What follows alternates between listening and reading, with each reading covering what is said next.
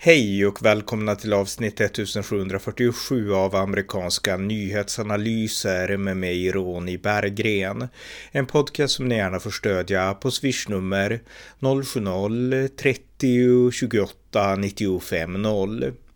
Nationalism och kristen tro har blossat upp till debatt både i USA och här i Sverige. Jag har just läst boken The Case for Christian Nationalism av den amerikanske författaren Stephen Wolf. Här resonerar jag om ämnet utifrån den boken. Varmt välkomna! Ja, jag tänkte alltså prata lite om ämnet kristen nationalism och eh, anledningen till det, det beror på att det här är ett ämne som har blivit allt mer aktuellt i samhällsdebatten, både i USA och i Sverige. Jag gjorde ett poddavsnitt för några dagar sedan om kristendomens betydelse för det republikanska partiet i USA och där betonade jag att det finns många genuina kristna, men på grund av att det finns så många kristna som är genuina inom republikanerna så finns det också många som är ytligt kristna och som använder kristendomen som ett slags epitet sätt för att locka folk som är mer genuina och som använder kristendomen som en slags baner för den allmänt populistiska politiken. Det finns också. Men oavsett om de är genuina eller ytliga och falska så används liksom epitetet Christian nationalism eh, som en stämpel som vänsterliberal media och demokratiska politiker i USA använder för att stämpla alla kristna som eh, står på högersidan egentligen. Så att så används epitetet där och det används ofta, även liksom bara de senaste dagarna jag har läst och lyssnat på eh, talk, eh, alltså prat, pratare i USA som har pratat och använt det begreppet kritiskt då mot republikanerna.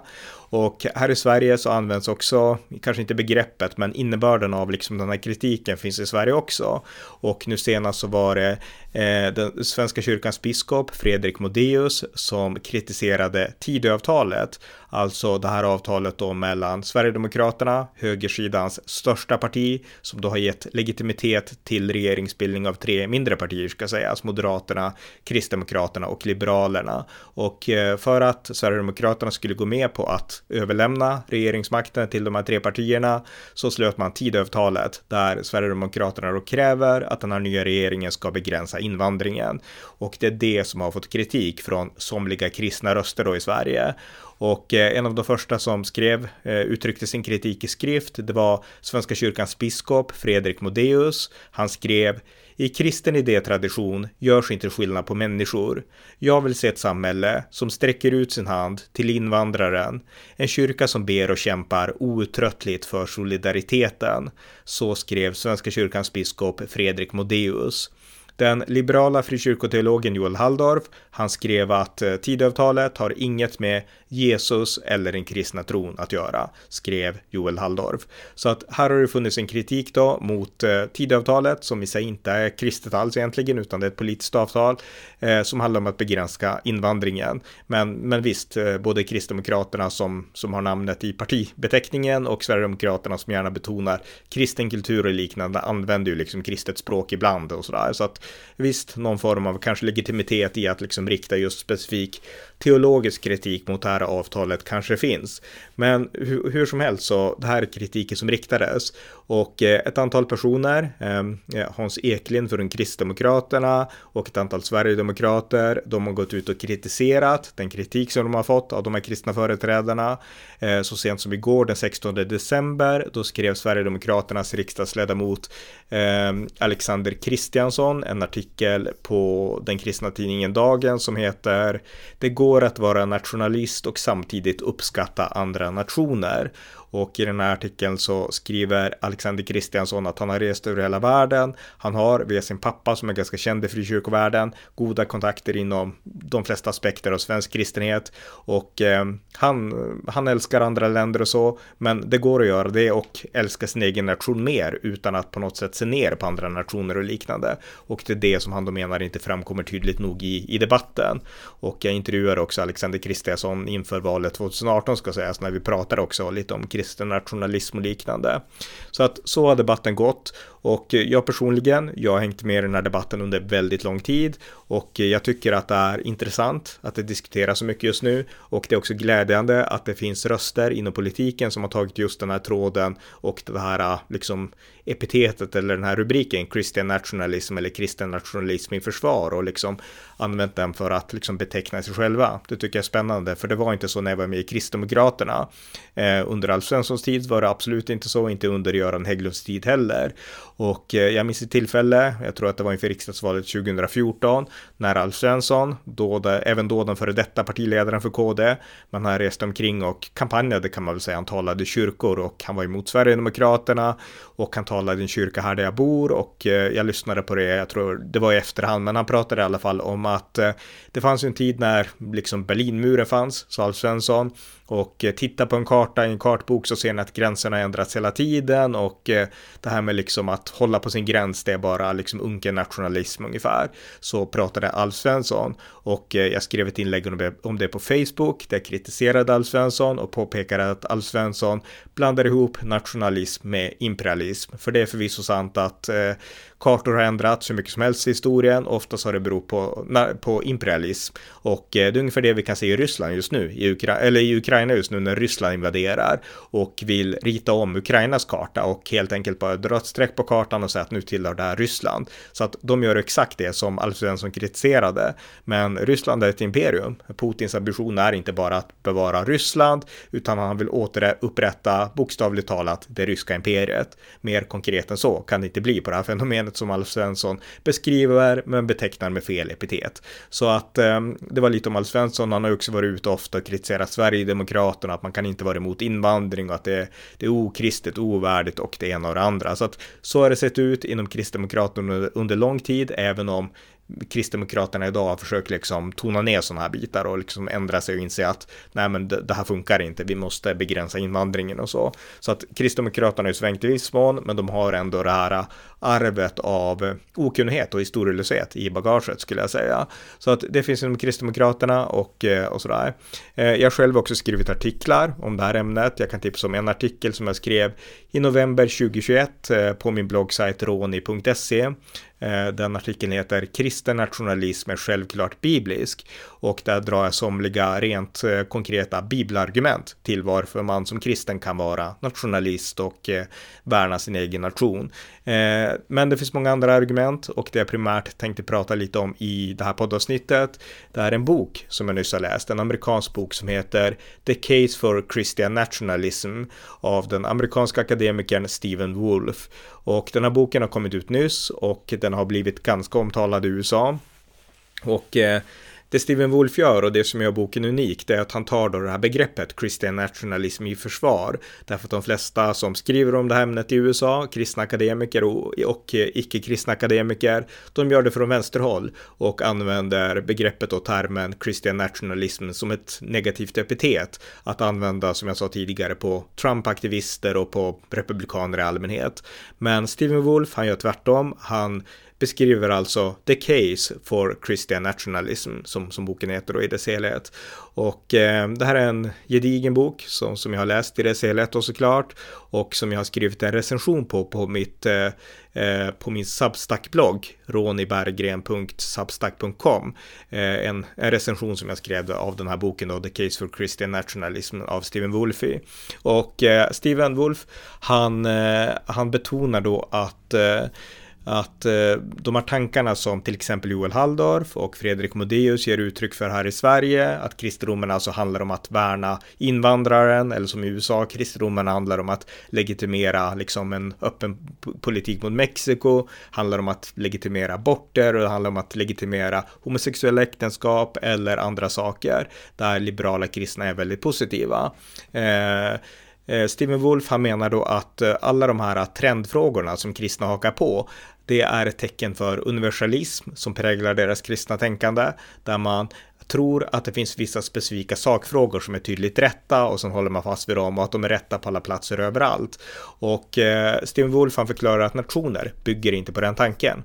Nationer historiskt bygger inte på universalismen utan nationer eh, historiskt bygger på eh, en annan tanke, alltså eh, tanke på att det finns något explicit liksom eget, en egen liksom kulturell egenskap eller personlig egenskap som ett visst folk vill värna.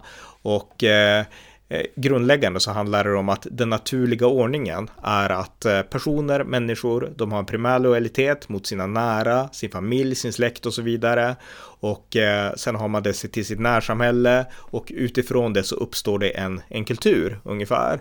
Och eh, utifrån den kulturen så föds sen en nation med politiskt styre. Det är det som är liksom utgångspunkten för nationen. Och eh, han förklarar att det, det är inte ett universalistiskt synsätt utan det är ett klassiskt liksom historiskt synsätt. Det är så nationer är uppbyggda och det är så de tillkommer i grund och botten. Och eh, Steven Wolf förklarar då att det här är någonting som Eh, kristna teologer har bekräftat just den här formen av ordning när en nation växer liksom nerifrån och upp. Det är en ordning som har bekräftats och getts legitimitet av teologer i hela den kristna historien.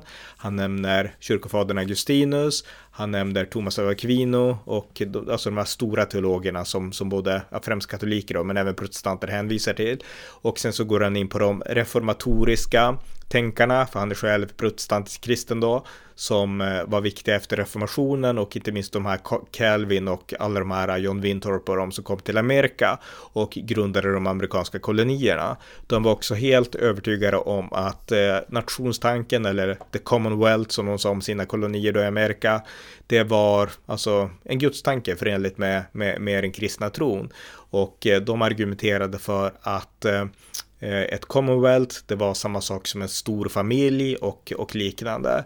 Och eh, han drar sen de här teologiska argumenten och förklarar att det finns eh, ingen motsättning mellan det kristna evangeliet som förvisso korsar alla gränser därför att tron på kristendomen den är universell, den korsar onekligen alla gränser och alla språk och allt sånt där, Men den avskaffar inte gränser, den avskaffar inte språk. Och kristna folk i ett land, de bygger, eh, ja, det, det, som händer alltså med folk som blir kristna, det är att de det är inte att de plötsligt kastar all sin kulturella och nationella identitet över bord till förmån för någon slags eh, metafysisk metafysiskt liksom kristendomsideal, utan de är sitt eget folk och så blir de också kristna och behåller samtidigt sin kultur och sina egna, sina egna egenheter. Det är så det funkar ungefär. Medan det har nu kommit en elitistisk kristendomselit som på något sätt pushar fram något annat. Att som kristen så ska man vara likadan överallt och eh, så är det inte förklarar han.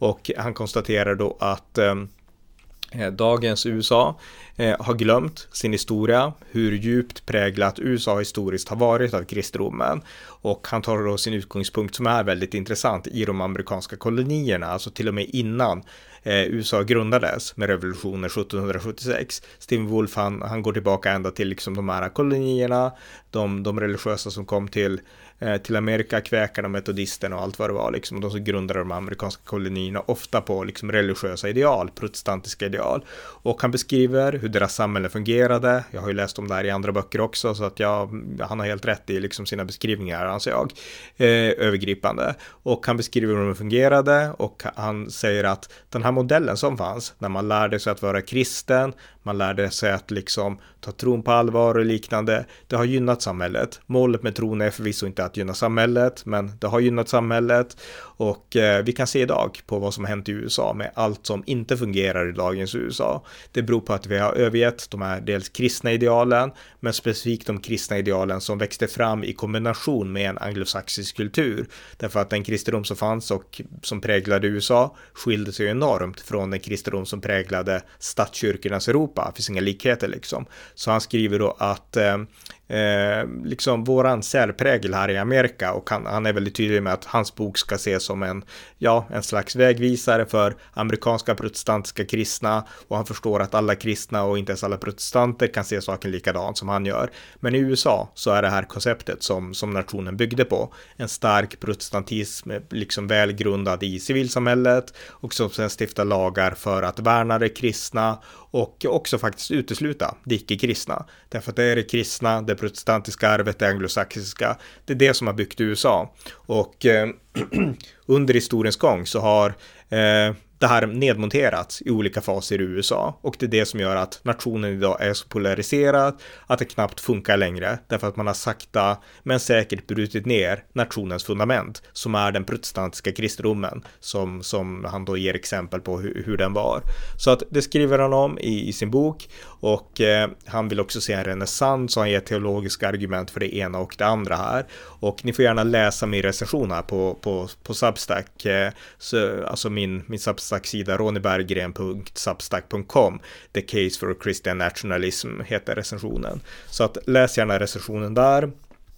Och eh, det här är en bok då som, som jag tycker är läsvärd och, och hyfsat bra om man är kristen i synnerhet. Den är kanske lite, alltså lite för teologisk om man bara är allmänt intresserad för den är ganska nördig den här boken. Liksom kristet nördig i teologiska avseenden. Och han går in djupt på olika teologiska spörsmål och så som kanske inte är helt relevanta, inte ens för alla kristna och framförallt kanske inte från Sverige. Och eh, han har också vissa argument som jag inte köper.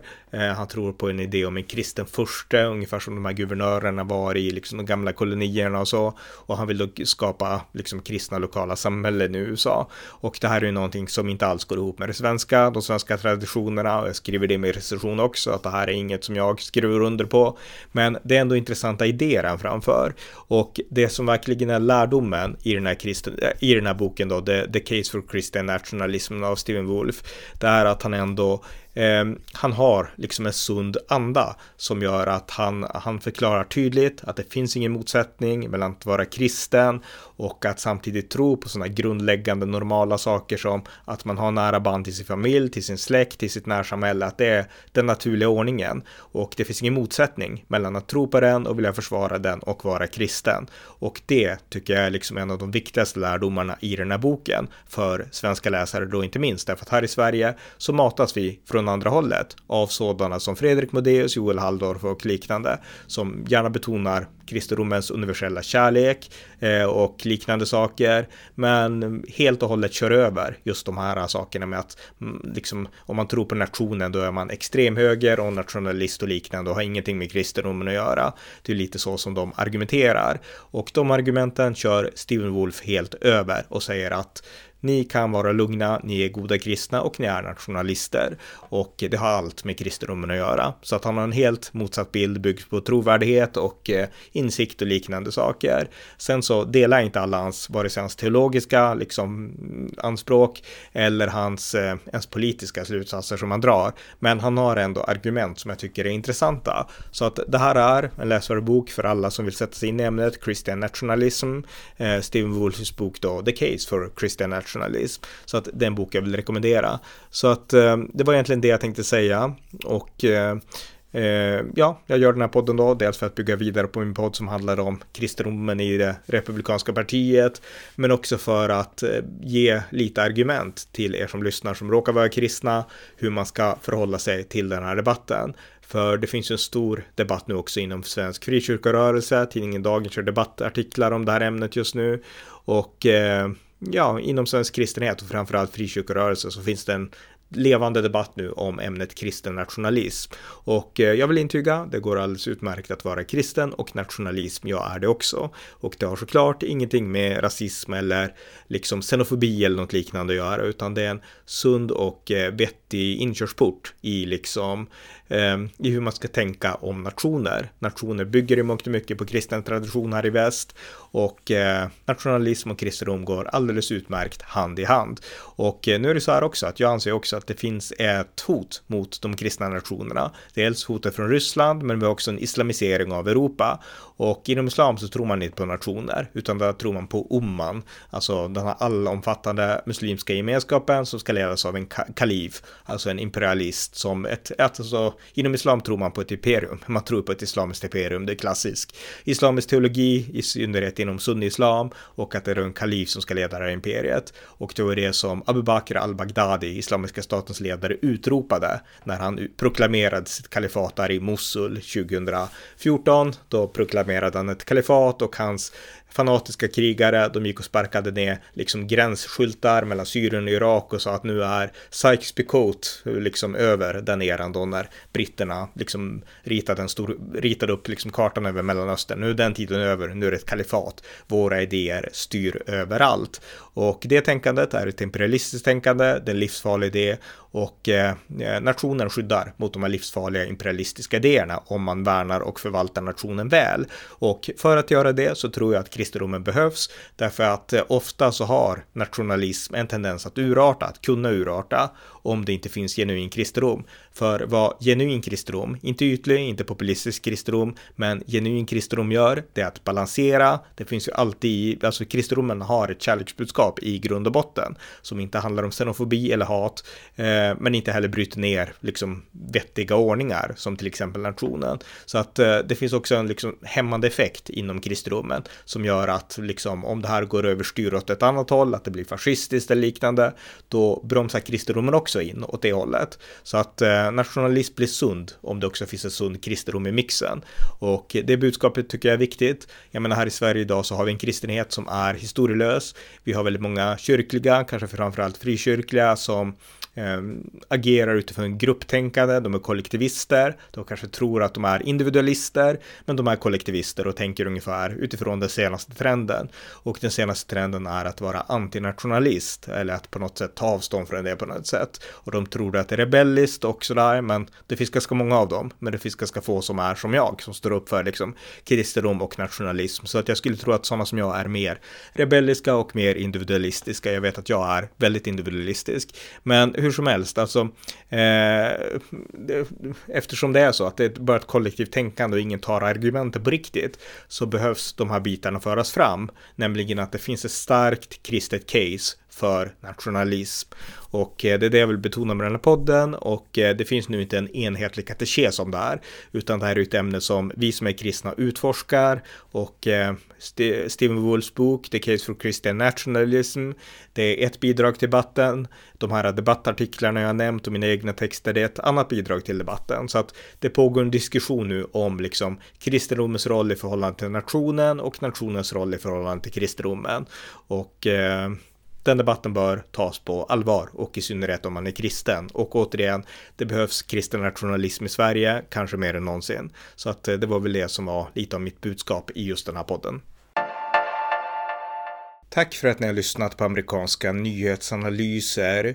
En podcast som kan stödjas på swishnummer 070-30 28 95 0 eller via hemsidan på Paypal, Patreon eller bankkonto. Skänk också gärna slant till valfri Ukraina-insamling. Vi hörs snart igen. Allt gott tills dess.